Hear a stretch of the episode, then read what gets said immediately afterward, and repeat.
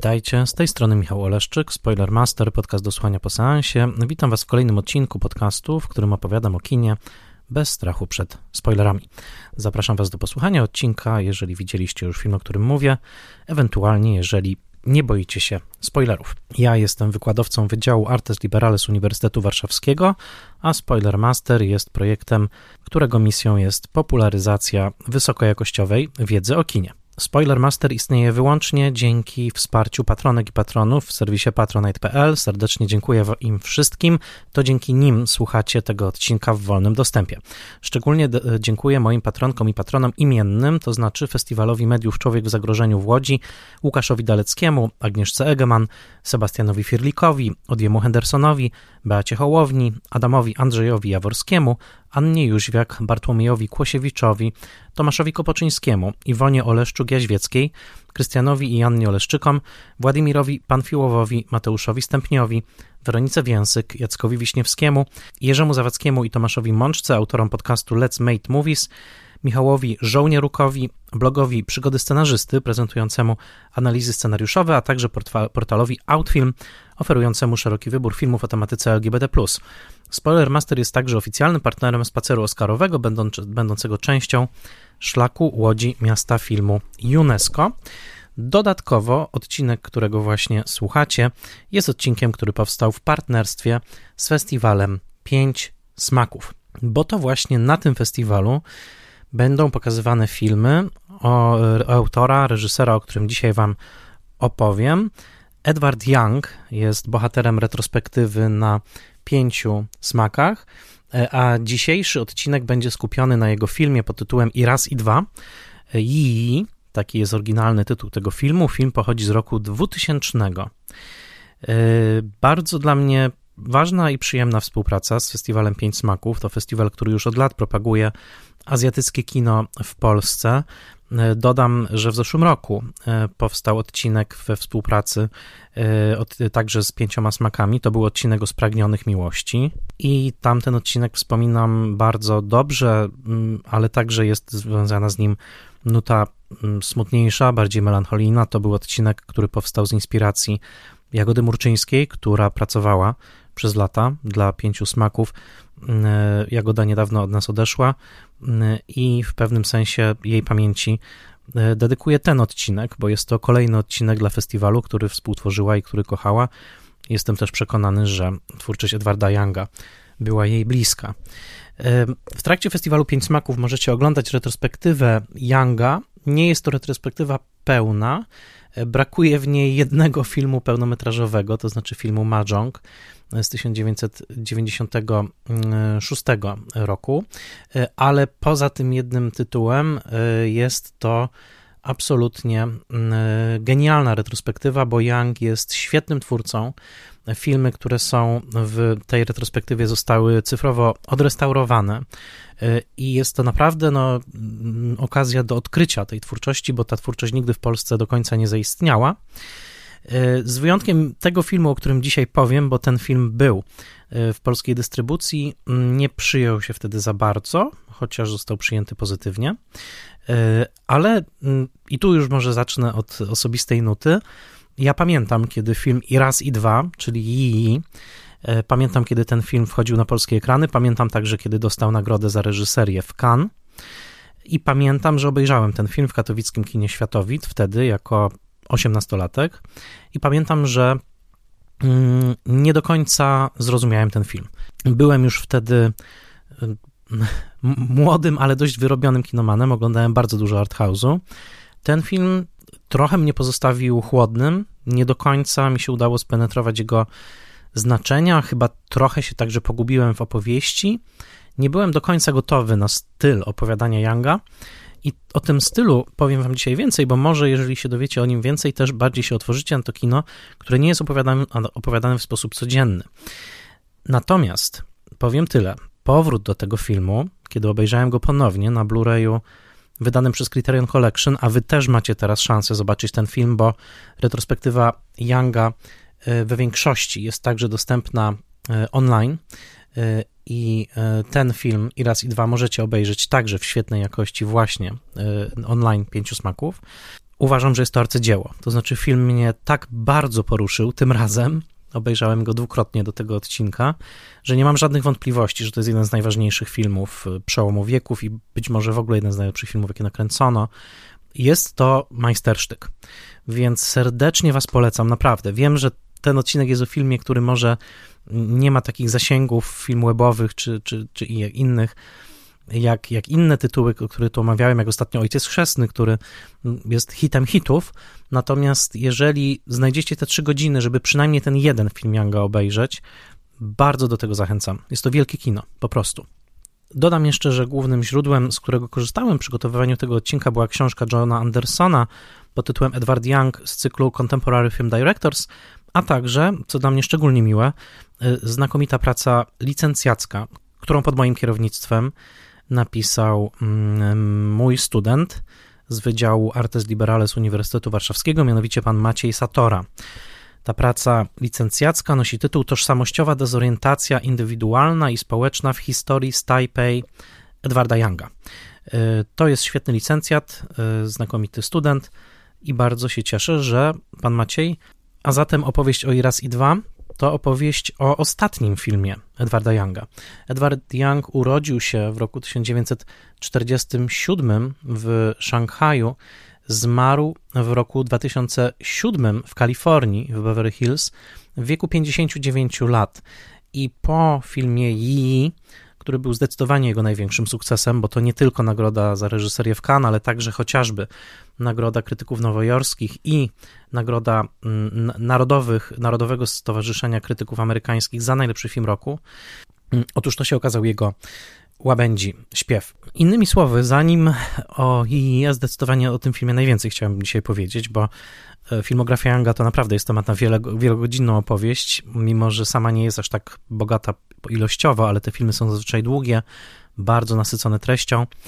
I dzisiaj chciałbym przede wszystkim o i opowiedzieć, natomiast ważny jest wstęp. E, tak jak wspomniałem, Edward Young urodził się w Szanghaju, ale jeżeli spojrzymy na rok 1947, e, zdamy sobie sprawę, e, że był to szczególny moment w historii Chin i już w roku 1949 jego rodzina musiała wyemigrować na Tajwan. Jak wiemy, władzę w Chinach przejęła niepodzielnie partia komunistyczna. Chiny kontynentalne stały się tym samym Chińską Republiką Ludową, a ci lojaliści rządu Chiang Kai-sheka, którzy nie godzili się na taką wizję przyszłości swojego kraju, w dużej mierze wyemigrowali właśnie na Tajwan, gdzie stworzyli rodzaj diaspory, wspólnoty. Tajwan już był poobijany, był właśnie po długim okresie dominacji japońskiej i przez najbliższe dziesięciolecia, to znaczy lata 50., 60., 70., będzie tak naprawdę jedynym uznawanym przez Stany Zjednoczone rządem chińskim. E, Stany Zjednoczone długo nie będą uznawać rządu w Pekinie. To się zmieni dopiero w latach 70. za sprawą polityki E, Richarda Nixona. Natomiast e, Edward Young dorasta właśnie w latach 50. i 60. na Tajwanie.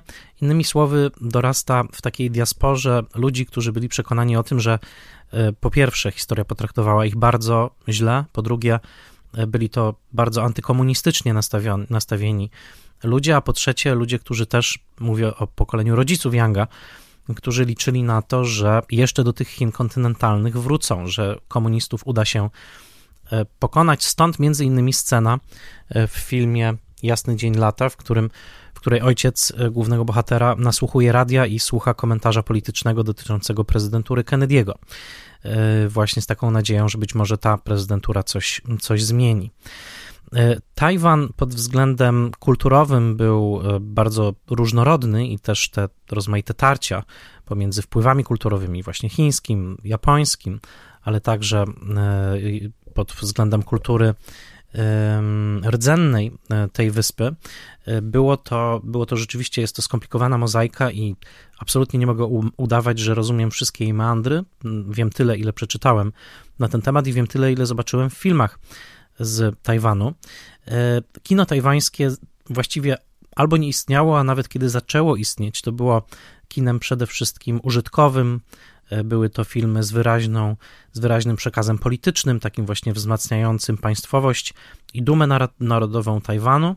I nie było to kino w ogóle, które funkcjonowałoby w latach 60. czy nawet 70. w obiegu festiwalowym. Właściwie Tajwan na tej mapie po prostu nie istniał.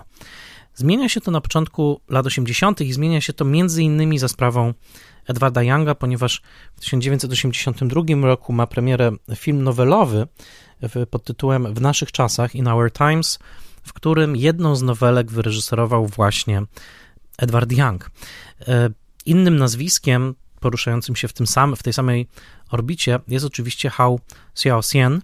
E, w jeszcze innej orbicie porusza się Tsai Ming-liang, co prawda, który nie urodził się na Tajwanie, ale który przynależy do tego kina. E, w każdym razie to są takie główne, najbardziej znane nazwiska reżyserów wywodzących się z, z Tajwanu. Warto wspomnieć, że mm, Edward Young wyrastał w takim domu, w którym było bardzo wyraźne przekonanie, i to była w ogóle cecha charakterystyczna dla tych pokoleń mm, i urodzonych już na Tajwanie, albo urodzonych tuż przed tą ucieczką na Tajwan, że trzeba się przydać społeczeństwu, że trzeba e, wykonywać zawody przede wszystkim konkretne, inżynierskie najlepiej i zamiast interesować się sztuką. Young bardzo gorzko często komentował E, kulturę tajwańską jako kulturę bardzo powierzchowną, zapatrzoną w sposób narcystyczny w różne konfucjańskie korzenie, ale tak naprawdę bardzo, bardzo jałową. E, przede wszystkim przez brak właśnie inwestycji w rozwój mm, kulturalny młodzieży i w e, ogólnie pojętą edukację artystyczną, chociaż chwalił repertuar kin mm, tajwańskich, mówiąc, że jakby przez to, że Tajwan tak bardzo podkreślał tą swoją E, przynależność do, bardziej do zachodniej półkuli niż do świata komunistycznego, to że dzięki temu w kinach Tajwanu lądowało bardzo dużo filmów europejskich, których się też całkiem dużo wtedy naoglądał. Jednak to, co jest bardzo ważne w przypadku Edwarda Younga, to jest to, że w pewnym momencie przychodzi w jego życiu taki dłuższy rozdział pobytu w Stanach Zjednoczonych. On studiuje na uniwersytecie w, mm, na Florydzie. E, obroni, broni tam magisterkę w roku 74. Stał się inżynierem elektrycznym e, i przepracował dużo lat w Stanach, w Seattle. E, zresztą tam później mieszkali jego rodzice i w późniejszej części jego kariery on tam bardzo często przebywał. No, sam fakt, że zmarł w Los Angeles pokazuje, że on jednak później krążył pomiędzy Tajwanem i Stanami Zjednoczonymi. E, Young wskazywał na seans filmu Agirre Gniew Boży Wernera Herzoga jako na mm, taki seans, który bardzo zmienił jego życie. To było taki mocny przypominacz tego, czym może być kino e, i że kino właśnie podszyte taką bardzo silną, indywidualną wizją no jest czymś, co po prostu Edward, jak sam o sobie mówił, dobry chiński syn, który poszedł na te studia inżynierskie, popracował w tej dziedzinie, ale jednak ten Herzog przypomniał mu, mimo że Young już nie był aż tak bardzo młody, że jeżeli w ogóle ma realizować to swoje marzenie, no to musi robić to właśnie, właśnie teraz. Wrócił na Tajwan, zrezygnował z tej amerykańskiej ścieżki i właśnie w latach 80. zaangażował się w nową falę e, tajwańskiego kina. E, między innymi właśnie z Hao Xiaosienem, mimo że później panowie bardzo się już poróżnią. W wywiadzie z Johnem Andersonem nawet Edward Young mówił, że w zasadzie już później nawet nie rozmawiali. Ich e, wizje bardzo, bardzo się rozjechały, rozeszły. Filmy Younga z lat 80., częściowo obecne w retrospektywie Pięciu Smaków, są bardzo interesujące, między innymi dlatego, że widać w nich dokładnie jak Young wykuwa swój, e, swój styl reżyserski. E, to są filmy, w których od razu ujawnia się taka duża ambicja Younga. To nie są filmy proste, to nie są filmy skromne. On od razu, można powiedzieć, sięga po wysoko postawione e, konfitury i eksperymentuje. I to dosyć, dosyć mocno. Jego pierwsze Pierwszy film to film dla telewizji pod tytułem Zima roku 1905, to jest rok 81. Później mamy mm, część mm, właśnie tego filmu In Our Time, mm, czyli film pod tytułem Expectations, taki jest, Ameryka, taki jest e, anglosaski tytuł tego filmu. E, natomiast pierwszy pełnometrażowy i od razu trzygodzinny film, obecny w retrospektywie Pięciu Smaków, to Tego dnia na plaży. E, film, w którym mamy już skomplikowaną strukturę czasową, bo e, muzyczka, pianistka wraca po latach do rodzinnego Tajpei i przed koncertem umawia się ze znajomą No i nagle pojawia się fala retrospekcji. Tak, poznajemy całą historię tej relacji, przerzucamy się między teraźniejszością i przeszłością i jakkolwiek nie jest to film, po którym znać już rękę mistrza, no to na pewno jest to film ambitny, jeżeli chodzi o zamierzenie. Natomiast zdecydowanie widać rękę mistrza w filmie, który Young zrealizuje w wieku niemalże 40 lat i to jest jego przełom. E, to jest film pod tytułem Opowieść czy historia z Taipei, rok 1985. No i historia z Taipei to już jest film wybitny. To jest film, w którym e, ujawnia się także druga fascynacja Younga, to znaczy kino e, Michelangelo Antonioniego, ponieważ Antonioni też był dużym e, mistrzem dla Younga i tak jak Antonioni tworzył takie historie o alienacji w Wielkim Mieście, tak tutaj no, Young też zrobił historię o alienacji w Wielkim Mieście i mamy właśnie Tajpei, E, w którym przede wszystkim dominują szklane wieżowce, identyczne do siebie siedziby wielkich banków. Pamiętajmy, że Tajwan naprawdę dokonał gigantycznego skoku gospodarczego, stał się też gospodarczą potęgą, także w produkcji komputerów. To wszystko jest aktualne do dzisiaj. Przecież Tajwan nie schodzi z pierwszych stron gazet, jeśli chodzi o, o napięcia polityczne naszej epoki. I e, bohaterami jest Lon e, i Chin, Lona gra Hao Xiaosien, więc to też ciekawe, że reżyser wystąpił u drugiego kolegi reżysera mm, i to jest para, ale taka para nie do końca szczęśliwa, nie do końca potrafiąca się spotkać w tym swoim związku. Niby film się zaczyna od tego, że wspólnie szukają mieszkania, ale czujemy, że to mieszkanie i ta wspólnota tak naprawdę jest pozorna. Lon spędził kilka lat w Stanach Zjednoczonych, tak samo jak Young. Tam grał w baseballa i przywiózł też kasety wideo z nagranymi meczami baseballowymi e, amerykańskimi. I tak naprawdę to jest para bardzo mocno złapana w kulturowe konflikty Tajwanu współczesnego, czyli tego z lat 80. Z jednej strony pogoń za pieniądzem, życie korporacyjne, korporacyjna ścieżka kariery, tutaj właśnie reprezentowana przez Chin, z drugiej strony jeszcze mocne struktury patriarchalne, i taka tęsknota Lona do tego starego Tajwanu, może też do starych modeli męskości. Bardzo melancholijny, dwójpółgodzinny film, który rzeczywiście pokazuje nam zagubienie tej pary w tym labiryncie, jakim jest Tajwan złożony z różnych wpływów kulturowych, z różnych mm, ruchów z jednej strony tradycyjnych, z drugiej strony modernizacyjnych. I mm, tutaj przeczytam fragment pracy y, Macieja Satory, bo on świetnie y, pokazał w jaki sposób te sprzeczności się tutaj ujawniają. Między innymi y, świetnie zauważył, że y, siostra Lona ogląda te nagrania ze Stanów z meczami baseballowymi, tą kasetę, ale ogląda ją wyłącznie dla reklam amerykańskich. Że dla niej ten sport jest nieważny, dla niej ważne jest to ociekające konsumpcją amerykańskie marzenie. I e, to się też później pojawi w Iras i 2, bo znudzonego synka ojciec zaprowadzi do McDonalda, jak żeby inaczej, e, i, i zawsze Young będzie wyczulony na ten amerykański wpływ. Muzyka popularna w e, jasnym dniu lata na przykład. A Maciej Satora pisze tak. To uwolnienie od przyszłościowych dylematów, zderzone z wyczuleniem wrażliwości na obiekty amerykańskiej kultury popularnej, okazuje się dla Chin odświeżającą perspektywą w kontekście jej indywidualnych życiowych problemów. Nie jest to jednak grupa, z którą bohaterka jest w stanie złapać, złapać pełne porozumienie. Pierwszym prezentem od siostry będzie chodząca, nakręcona zabawka imitująca puszkę Pepsi-Coli. Pietystycznie filmowany, powolny marsz puszki kończy się na ścianie ułożonego stosu książek. Zabawka, symbol podporządkowujący życie siostry kapitalistycznemu konsumpcjonizmowi, jest pusta, bierna. Nie może pokonać najprostszej możliwej przeszkody. Z drugiej strony musi zostać wprawiona przez kogoś w ruch, żeby przestać statycznie funkcjonować. Dokładnie jak wręczająca ją dziewczyna, która przy najmniejszej trudności zwraca się z miejsca do czin. Yang zauważa jednak w pokoleniu najmłodszych Tajwańczyków gamę sprzeczności są silnie indywidualistyczni, ale jednocześnie absolutnie niesamodzielni. Fascynuje ich reklama obiecująca kolejne obiekty nieograniczonej konsumpcji, ale przez brak zatrudnienia nie mają żadnych środków, by coś faktycznie nabyć. Podejściem do życia wydają się być antysystemowi, a jednocześnie jak nikt inny propagują system bazujący m.in. na kolektywnej świadomości. Marzą o wyjeździe za granicę, ale nie mają pojęcia, co mieliby tam właściwie ro robić. Do nowej rzeczywistości są przystosowani lepiej niż ktokolwiek i gorzej jednocześnie.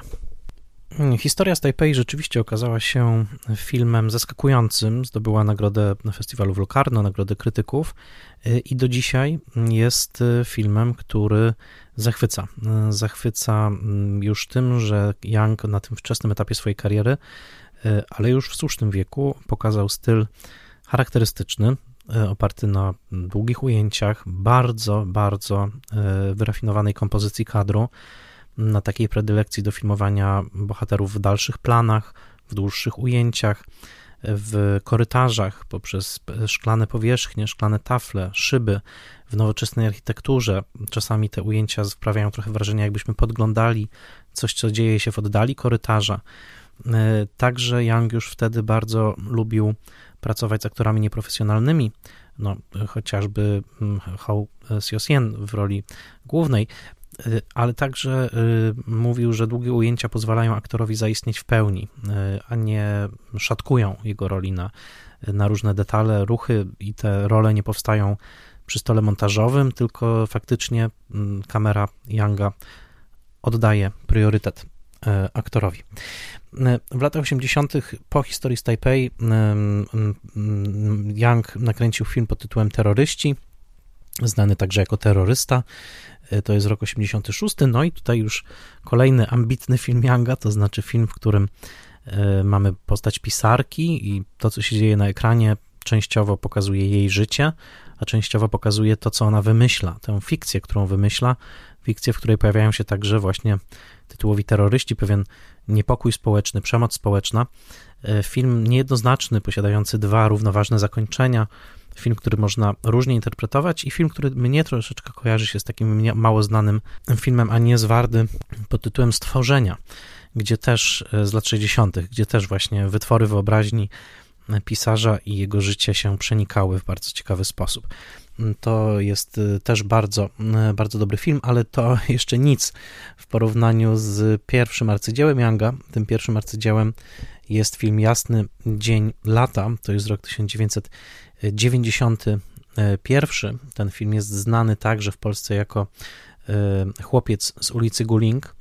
E, no, czterogodzinne tym razem opus magnum, e, opowieść o młodzieży i o gangach młodzieżowych na Tajwanie w około roku 60 i trochę później, czyli jest to czas młodości Younga i film bardzo rozbudowany narracyjnie, który ilością komplikacji mógłby spokojnie obdzielić długi serial. I film, który pokazuje młodzież tajwańską tamtego czasu rozerwaną w poszukiwaniu tożsamości. Z jednej strony jest szkoła zbudowana właśnie na tym kulcie mm, przywódców rządowych, na kulcie Chiang Kai-sheka, tego mitu, że mm, właśnie to, to my wygramy jeszcze kiedyś, prawda, że jakby te Chiny kontynentalne się nie liczą. Z drugiej strony są rodzice, bardzo zgorzkniali, którzy musieli coś zostawić za sobą w tym Szanghaju i tutaj żyją tak tylko na chwilę, im się przynajmniej wydaje, że na chwilę no i młodzież, która nie potrafi się w tym wszystkim odnaleźć, a jednocześnie jest pod ogromnym wpływem amerykańskiej kultury.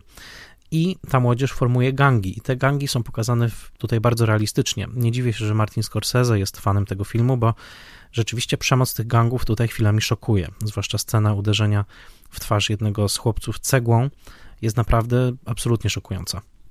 I ten film, rozgrywający się znowu w długich, bardzo pieczołowicie komponowanych ujęciach, wielowątkowy, E, naprawdę epicki w swoim wymiarze.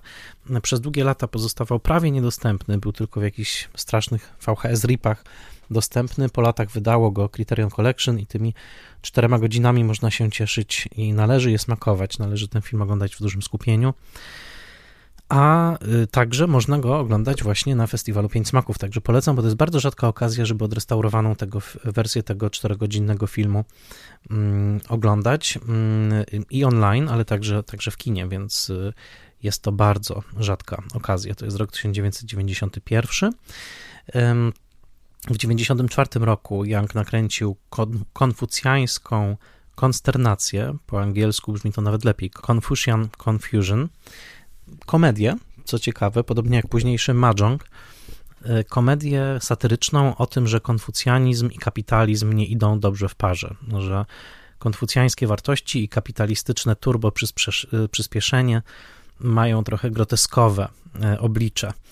Taka właśnie satyra na tajwańską odmianę kapitalizmu mm, temu kapitalizmowi do końca nigdy Young nie ufał. W filmie I raz i dwa będzie to bardzo ważny wątek, ale sam też podkreślał, że dla niego zawsze ta presja właśnie zarabiania dużej ilości pieniędzy, budowania sobie jak najpiękniejszych domów i mieszkań i tego włączania się w ten wyścig E, była jakoś, jakoś obca. E, w każdym jego filmie jest co najmniej jedna postać, która stanowi pewną parodię takiego stylu życia i w filmie I raz i dwa będzie to bohater o imieniu Adi.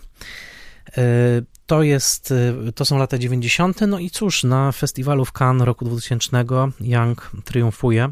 Mm, co prawda nie dostanie się do wyścigu Oscarowego, chociaż za rok 2000 E, Oscara odbierze Przyczajony Tygrys, Ukryty Smog Angali, więc mm, kino chińskie będzie triumfowało. Natomiast e, no i raz i dwa rzeczywiście jest arcydziełem. To jest ostatni film Yanga, to jest saga rodzinna, trzygodzinna, opowiadająca o jednym roku z życia pewnej rodziny. I w największym skrócie, bo oczywiście nie będę teraz streszczał całej fabuły, ale jest to opowieść przede wszystkim o ojcu i córce. Tym ojcem jest NJ, grany przez Nianziena Wu, który był także scenarzystą przez wiele lat filmów tajwańskich i e, człowiekiem, którego bardzo Yang podziwiał. E, córka to Ting Ting i oni przede wszystkim są naszymi przewodnikami po tej rzeczywistości, a także w troszkę mniejszym, ale ważnym stopniu tym przewodnikiem jest Yang Yang, czyli młodszy brat Ting Ting, E, mały chłopiec, który głównie milczy, ale który w pewnym momencie dostaje od ojca aparat fotograficzny i zaczyna eksplorować rzeczywistość za pomocą tego aparatu. Jednocześnie zaczyna podkochiwać się w koleżance z klasy. E, dlaczego NJ i Ting Ting są głównymi bohaterami? Ponieważ to wokół nich i wokół ich samotności zbudowana jest skomplikowana i rozgałęziona fabuła i raz i dwa. Filmy są w filmie ma pewną ramę. Zaczyna się od wesela, kończy się pogrzebem. Zaczyna się od e, wesela brata Andrzeja, czyli właśnie tego Adiego, Adi, który jest absolutnie zorientowany na zysk, cały czas prowadzi jakieś chyba nie zawsze legalne interesy, pożycza wielkie sumy, traci te sumy, e, jest wciąż zadłużony, jednocześnie wystawia sobie bardzo luksusowe mieszkanie. Mm, właśnie od ślubu Adiego zaczyna się ta historia, przy czym historia zaczyna się od tego, że wesele zostaje e, zakłócone, dlatego że pojawia się na nim była partnerka Adiego, Yun Yun, która robi scenę. Podbiega do babci, e, i, czyli do matki NJ'a i e, Adi i mówi, cóż za tragedia, to ja miałam dzisiaj być panną młodą, przepraszam panią, to ja miałam dzisiaj wychodzić za pani syna. I już ta pierwsza scena, trochę komiczna, sugeruje, że nie będzie to obrazek idylliczny, nie będzie to obrazek jak z weselnego monidła, e, tylko właśnie będzie to film, który trochę naruszy, czy nawet odwróci e, te uświęcone struktury. Zanim pojawi się tytuł na ekranie, widzimy NJ'a, który pod pachą trzyma duże, podkolorowane komputerowo zdjęcie e, Adiego i jego wybranki. E, panny młodej, przy czym ten portret zostaje nieopatrznie przez Andrzeja umieszczony na sztaludze do góry nogami. I ten dziwny obraz e, wesela z e, odwróconymi państwem młodym otwiera film. Tuż po tym kadrze jest tytuł filmu i raz i dwa i stanowi pewną zapowiedź późniejszych kryzysów tego małżeństwa, włącznie z próbą samobójczą męża Adiego, ale nie będzie to główny temat filmu. To jedna z bardziej zmyślnych strategii Younga, że wydaje nam się na początku, że skoro film zaczyna się od wesela, no to film musi być o młodej parze. Tymczasem to właśnie młoda para będzie absolutnie na drugim planie. Co więcej, ów dramat Yun Yun odrzuconej na rzecz ciężarnej partnerki siłą tradycji, koniec końców wybranej, wcale nie będzie centralny dla filmu. Będzie jego drugo, może nawet trzecio czy czwartoplanowym tematem. Tymczasem mistrzowski scenariusz Younga ustawia trzy postaci tak naprawdę jako postaci główne. Właśnie postać NJ'a, czyli brata Adiego, e, postać Ting Ting, czyli jego córki nastoletniej i delikatnie postać Yang Yanga, czyli młodego chłopca, nieprzypadkowo nazwanego podwójnie nazwiskiem reżysera, bo nie mamy żadnych wątpliwości, że w pewnym sensie jest to bardzo delikatny autoportret rodzącego się artysty, w tym przypadku fotografa. Każda z tych postaci przez następne trzy godziny będzie przeżywała swoją samotność na swój sposób. NJ, i to już w tej sekwencji weselnej zostaje pięknie zasygnalizowane, NJ spotyka po latach swoją dawną miłość, Sherry, która obecnie, obecnie mieszka w Stanach Zjednoczonych i która mm, wzbudzi w nim na nowe uczucie, nawet nie tyle do samej siebie, bo nie wiemy, czy on w tym momencie czuje do niej dużo, ale na pewno uczucie do ich dawnego związku, takie nostalgiczne i gorzkie wspomnienie odejścia e, i mm, zastanowienie się, czy nie był to błąd, czy wtedy przed laty NJ nie powinien był faktycznie przy Sherry zostać, jego życie potoczyłoby się zupełnie inaczej. E, tymczasem e, rozstali się i po latach spędzą ponownie trochę czasu i NJ, to będzie jego główna linia fabularna, wypróbuje w pewnym sensie raz jeszcze ten związek, zobaczy czy uczucie, które kiedyś było bardzo mocne, wciąż się tli. E, no i na końcu stwierdzi, że nie, że jednak e, dobrze się stało tak, jak się stało, że będzie to z jego strony takie bardzo głębokie zaakceptowanie status quo. Ting Ting, młoda dziewczyna, tutaj ukazana także jako samotna, jako zmarginalizowana w rodzinie, bardzo milcząca, jednocześnie już tutaj bardzo silnie związana ze swoją babcią przez cały film będzie głównie obserwatorką. Najpierw obserwatorką związku erotycznego, jaki jej sąsiadka Lili nawiązuje z grubaskiem, tak się nazywa ten nastolatek, mimo że wcale nie ma nadwagi. E, być może miał tą nadwagę w mm, dzieciństwie. W każdym razie e, Ting Ting będzie obserwowała ich związek, e, mm, rozgrywany głównie w bramach, w przejściach, w ukryciu, z dozą zazdrości, no i później także i zaprzyjaźni się bliżej z Lili i zbliży się do Fatiego. Cała sytuacja e, skomplikowana będzie faktem, że e, Lili e, z kolei będzie ciągle w konflikcie z własną matką, sypiającą z jej nauczycielem angielskiego, który, tak się okaże pod koniec, był także erotycznie zaangażowany z Lili. Brzmi to wszystko w sposób dosyć skomplikowany, ale Edward Young przedstawia te wydarzenia jasno, z tym, że w bardzo długim trwaniu. Trzeba bardzo uważnie obserwować y, i pozwolić na powolną akumulację wszystkich tych faktów, i wtedy nie mamy problemu z zanurzeniem się w tę narrację. Natomiast samotność trzecia, samotność Yang Yanga, małego chłopca, będzie polegała przede wszystkim na milczeniu, na wyobcowaniu ze świata dorosłych, na odkrywaniu powoli y, uczuć w stosunku do swojej szkolnej koleżanki, ale także na odkrywaniu sztuki fotograficznej. Yang Yang dostaje aparat fotograficzny w, w trakcie wesela od swojego ojca i zaczyna eksperymentować z fotografią.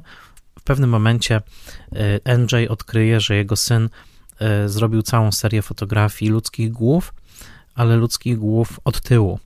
E, będzie wręczał te fotografie chociażby Adiemu, powie: Zobacz, tak wyglądasz z tyłu, ponieważ nie możesz siebie zobaczyć od tej strony, to ja zrobiłem to za ciebie. E, Yang Yang będzie także eksperymentował z wodą, dlatego że jego wybranka, e, ta dziewczyna, którą jest zafascynowany w szkole, właśnie z żywiołem wody będzie skojarzona, nie tylko w trakcie projekcji edukacyjnego filmu o żywiołach i o narodzinach życia, bo taka scena też w tym filmie będzie, ale po prostu z prozaicznego powodu, dlatego że jest pływaczką i przez to Yang Yang będzie także zanurzał się często w wodzie, czy to w wannie, czy to w umywalce, czy to w końcu w basenie, wskoczy do ubrania, po to tylko, żeby zanurzyć się w tą e, wilgoć kojarzoną e, z mm, właśnie ową e, koleżanką, co jest wyraźną sugestią rodzących się także powoli, powoli uczuć erotycznych w tym młodym chłopaku. To są trzy centralne, jak już wspomniałem, samotności tego filmu i Young snuje ich historię w sposób niebywale subtelny, dlatego że one się wszystkie przenikają w jednych przestrzeniach. To są bardzo prozaiczne przestrzenie. Mieszkania jednego i drugiego, miejsca pracy, szkoły. Ten film ma w sobie poezję codzienności w tym znaczeniu, że nie widzimy żadnych ujęć, które stanowiłyby subiektywne wizje, sny czy odwzorowania stanów bohaterów. Nie, ci bohaterowie poruszają się po przestrzeniach bardzo realistycznie oddanych, oczywiście, od biura poprzez realistycznie umeblowane mieszkanie, ale także sfilmowanych w dalszych planach, takich, które są w stanie pokazać nam w ich e, bohaterów w ich naturalnym otoczeniu, a jednocześnie w planach, które zawsze są bardzo wyczulone na ruchy, na ruchy całych ciał, na to, jak ludzie stoją blisko lub daleko od siebie. U Edwarda Younga bardzo ważne jest to, właśnie kto kogo słyszy, kto do kogo się zbliża, kto kogo dostrzega, a czasami co przegapia, ponieważ na początku, kiedy Tink Tink zapomni, zagapi się i nie wyrzuci worka na śmieci, który stał na balkonie, mimo że jej ojciec Andrzej o to prosił, właściwie uruchomi to całą lawinę zdarzeń, albowiem babka, wyrzucając właśnie te śmieci niewyrzucone przez e, Tink Tink, upadnie przy śmietniku i to spowoduje jej paraliż, śpiączkę, koniec końców śmierć, co oczywiście zaowocuje wielkim wyrzutem sumienia u Ting Ting, ale właśnie długie ujęcie, w którym kamera Younga zostaje na balkonie i pokazuje nam ten worek na śmieci już po tym, jak Ting Ting wyszła, a my wiemy, że ona miała go zabrać, ta kontemplacja tego malutkiego elementu codzienności, właśnie jakiegoś odpadku, czy zbioru odpadków, małej torby ze śmieciami, zwraca uwagę na to, że jest ona ważna, tak jak wszystko w tym filmie jest ważne. E, tak jak mówię, drzwi, framugi, przejścia. Young jest absolutnym mistrzem w kadrowaniu i w ustawianiu kamery w taki sposób, że jednocześnie czujemy się domownikami w tym świecie, a z drugiej strony, zwłaszcza w ruchach tej kamery, dyskretnych panoramach, przesunięciach w prawo, w lewo, yy, widzimy także w tym rękę reżyserską Younga, który prowadzi nasze spojrzenie w sposób mistrzowski. Nie ma tutaj ani jednego zooma, ani jednego najazdu kamery, żadnych ruchów, które były in, byłyby inwazyjne, intruzywne. Jesteśmy tak jak mówię, domownikami, kimś, kogo Young siada, sadza na fotelu, nie zawsze w tym pomieszczeniu, w którym bohaterowie akurat są, ale na tyle blisko, żeby w razie czego, żebyśmy mogli usłyszeć to, o czym mówią, albo jak cicho pochlipują, jak cicho płaczą.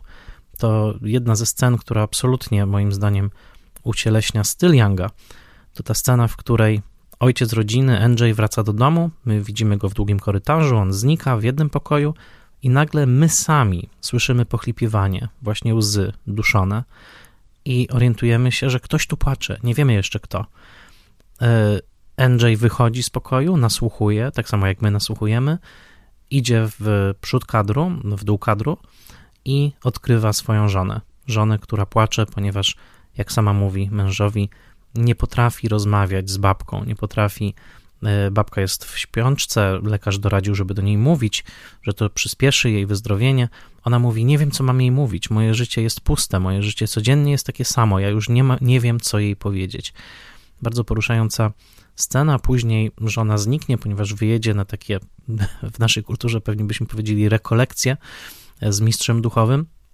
Przy czym e, religia dla Younga jest troszkę podejrzana. Widzimy tutaj mnicha, który przychodzi niemalże z taką wizytą po kolędzie, przepraszam za porównania, ale e, po prostu skojarzyło mi się to z tym zwyczajem, jaki jest w kulturze, w której ja wzrastałem. W każdym razie, tak jak na wizycie po kolędzie, tak i ta wizyta mnicha kończy się e, pytaniem, czy mogę przekazać datek w kopercie, e, co jest wyraźnym znakiem, że Young do instytucjonalnej religii ma raczej sceptyczny stosunek, tak jak sceptyczny stosunek ma do biznesu jako takiego, do kapitalizmu. Tak jak już wspomniałem, e, biznesmeni u Younga są zazwyczaj nieszczęśliwi. To dotyczy zarówno Chin, która gubi się w tej korporacyjnej ścieżce w e, opowieści z Taipei, ale to dotyczy także Andrzeja, który jest wyraźnie wypalony i mm, jest jedną z takich bardziej poruszających, a zwłaszcza Adiego, który jest wręcz parodią e, właśnie kapitalistycznego ekscesu, w pewnym momencie jest i otyły, i wydrążony wewnętrznie, leży w łóżku obok kobiety, jednocześnie oglądając pornografię, jest takim wyraźnie już wydrążonym człowiekiem.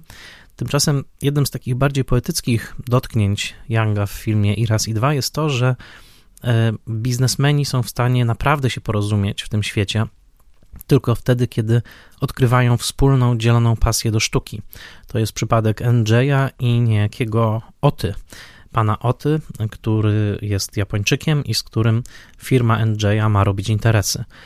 Ota przełamuje w pewnym momencie próbę biznesowego żargonu ze strony NJ'a, który chce być bardzo poprawny, wypowiada wszystkie formułki po angielsku korporacyjne tak jak powinien, a Ota mówi: e, Proszę już tak nie mówić, ja wiem, co pan chce powiedzieć. I zaczynają później wspólnie słuchać muzyki w samochodzie, i okazuje się, że obydwaj e, lubią dobrą muzykę, także dobry jazz, Przypomnę, że tytuł i, i raz i dwa to pochodzi od zawołania właśnie muzyków jazzowych, zanim zaczną grać. I Young w sposób niesłychanie delikatny, niesłychanie ciepły, taki miękki, portretuje relacje tych dwóch biznesmenów właśnie z Tajwanu i Japonii. W pewnym momencie także NJ jedzie do Japonii, ponieważ są to ludzie, co prawda, interesu, ludzie, którzy, których codzienność polega właśnie na robieniu pieniędzy, ale obydwaj rozumieją, że w ich duszy jest coś jeszcze. Jest właśnie tęsknota za czymś jeszcze, za czymś może bardziej wiecznotrwałym, za czymś mniej doraźnym, za sztuką. I porozumienie NJ'a i pana Oty w tym filmie jest bardzo istotne. W I raz i dwa, tym długim filmie o, tak jak wspomniałem, trzech samotnościach, z których każda kończy się w różny sposób, e, jest e, kilka tematów, które wygrywane są równocześnie. Jednym z tematów e, wypisałem je na swoje potrzeby i teraz wam je króciutko przedstawię. Jednym z tych tematów jest właśnie sztuka, stosunek do sztuki i dla Younga nie ma żadnej przesady w tym, żeby powiedzieć, że miarą człowieczeństwa jest stosunek do sztuki, to znaczy im bardziej w świecie Younga ktoś jest obojętny na sztukę, tym gorszym jest człowiekiem, można powiedzieć. Adi jest tutaj absolutnym przypadkiem kogoś, kto właśnie na tę sztukę jest obojętny, kto w końcu obcuje tylko z pornografią i z kiczem i jest przez to przeklęty, wręcz próbuje próby samo, ma, ma, ma próbę samobójczą, jest kimś, kto po prostu nie ma pożywki duchowej. Tymczasem NJ oczywiście uwielbia muzykę. E, Yang Yang, młody chłopiec, na naszych oczach staje się fotografem, staje się artystą, e, tym samym jest pozytywnie właśnie waloryzowany.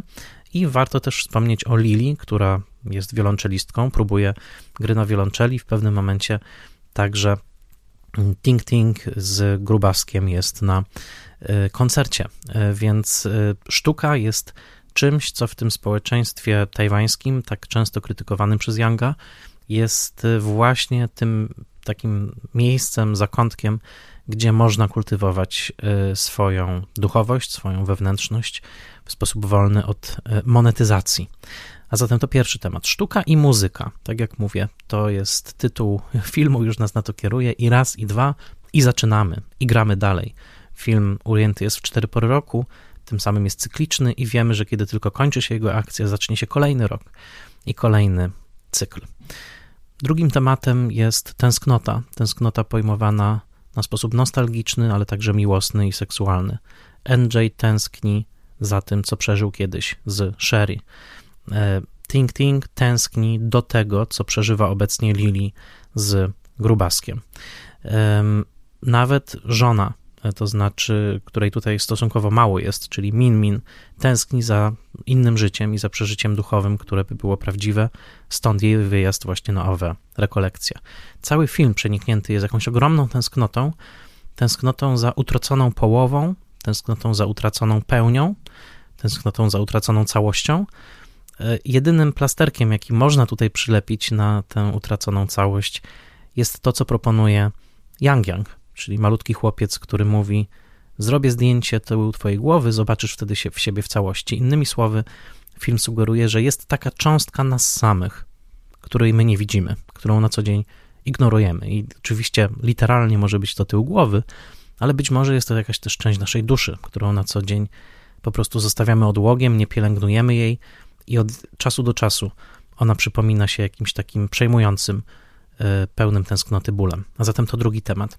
Trzeci temat to oczywiście rodzina. Film zaczyna się rodzinnym weselem, kończy się rodzinnym pogrzebem babci, na którym swoją drogą Young wypowiada po raz pierwszy słowa, które są w zasadzie już dojrzałą poezją, a w środku są jeszcze jest jeszcze impreza z okazji narodzin dziecka. Dokładnie w połowie filmu, w 90 minucie tego trzygodzinnego filmu, powiem, Adi e, staje się ojcem i nagle jest kolejne E, kolejny pretekst do rodzinnego spotkania. Rodzina w filmie Younga jest e, problematyczna, ponieważ ciągle się mija. Matka wyjeżdża, ojciec zostaje, później ojciec jedzie e, gdzieś w biznesie, nie ma dobrej komunikacji między nimi. No a ro, rodzina Lili, czyli sąsiadki, na wprost na naszych oczach się rozpada. Matka sypia z nauczycielem córki, który notabene także miał jakąś relację z nią. Koniec końców kończy się to krwawą sceną zazdrości, co prawda nie pokazaną na ekranie, ale e, Fati e, e, sięga po nóż i, czyli chłopak Lili, o którego ona w pewnym momencie jest bardzo zazdrosna ze względu na jego relacje z Ting Ting.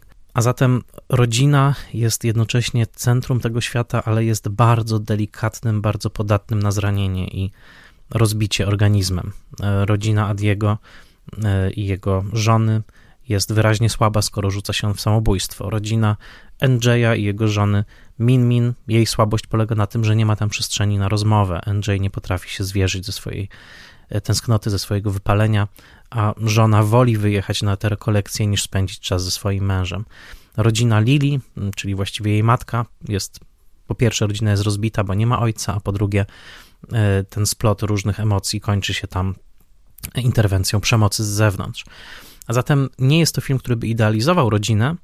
Ja lubię porównywać ten film z sekretami i kłamstwami Mike'a Lee, ponieważ powstały całkiem blisko siebie e, i filmy te pokazują, że rodzina jest taką błoną, którą co prawda nie da się całkowicie zniszczyć, bo zawsze te relacje rodzinne jakieś są, ale która bardzo łatwo e, podlega dysfunkcji i która, no właśnie, jest trochę jak ten tył głowy. To znaczy, jeżeli nie będziemy widzieli całości jeżeli zapomnimy o jakiejś części, to po prostu ona się będzie powoli y, osuwać w marazm, smutek, y, w no właśnie rodzaj dysfunkcji. To jest trzeci temat. Czwartym tematem jest religia i przesądy. Religia, tak jak mówię, instytucjonalna, traktowana przez Younga dosyć sceptycznie, y, ale przesądy już mniej. To znaczy, Young lubi zbiegi okoliczności, troszeczkę w tym jest nawet kropli takiej, powiedziałbym, kieślowszczyzny chwilami. E, trzy kolory e, myślę, że były filmem, który Young mógł znać i który być może nawet odrobinkę wpłynął na i raz i dwa. Jest to moja czysto autorska teoria, nie mam na to żadnego dowodu, ale chwilami to tak pobrzmiewa, tak trochę jak podwójne życie Weroniki zwłaszcza w tych podwójnych imionach, Ting Ting, Yang Yang, to Min Min, Tutaj te Union, te imiona tutaj, e, na co zwracał też uwagę John Anderson, sugerują, no już nie wspomnę o tytule, Yi, e, sugerują właśnie jakąś podwójność, taką, że być może każdy z naszych żyć jest w stanie się rozszczepić na dwoje i rozważamy różne jego warianty, tak jak NJ, który widzi ten wariant, który wybrał, ale na naszych oczach przeżywa jeszcze raz wariant z Sherry. E, Adi jest bardzo przesądny, jest, wybrał E, ślub w najszczęśliwszym dniu roku, ale jest przerażony, kiedy jego dziecko rodzi się w najbardziej pechowym dniu roku. I w momencie końca filmu, już długo po narodzinach tego dziecka, dziecko nadal nie ma imienia, bo on boi się e, pecha i zastanawia się, jakie szczęśliwe imię mogłoby rozproszyć tego pecha, który e, przydarzy się w związku z datą narodzin. Swoją drogą, Adi w tym sensie jest figurą kogoś, kto właśnie boi się żyć, bo jest tak mocno związany tymi przesądami, które też kojarzą się pewnie Yangowi z tą starą kulturą e, tajwańską, może w ogóle chińską. On często krytykował taki konserwatyzm, właśnie przesadne wpatrzenie, też zasady konfucjańskie.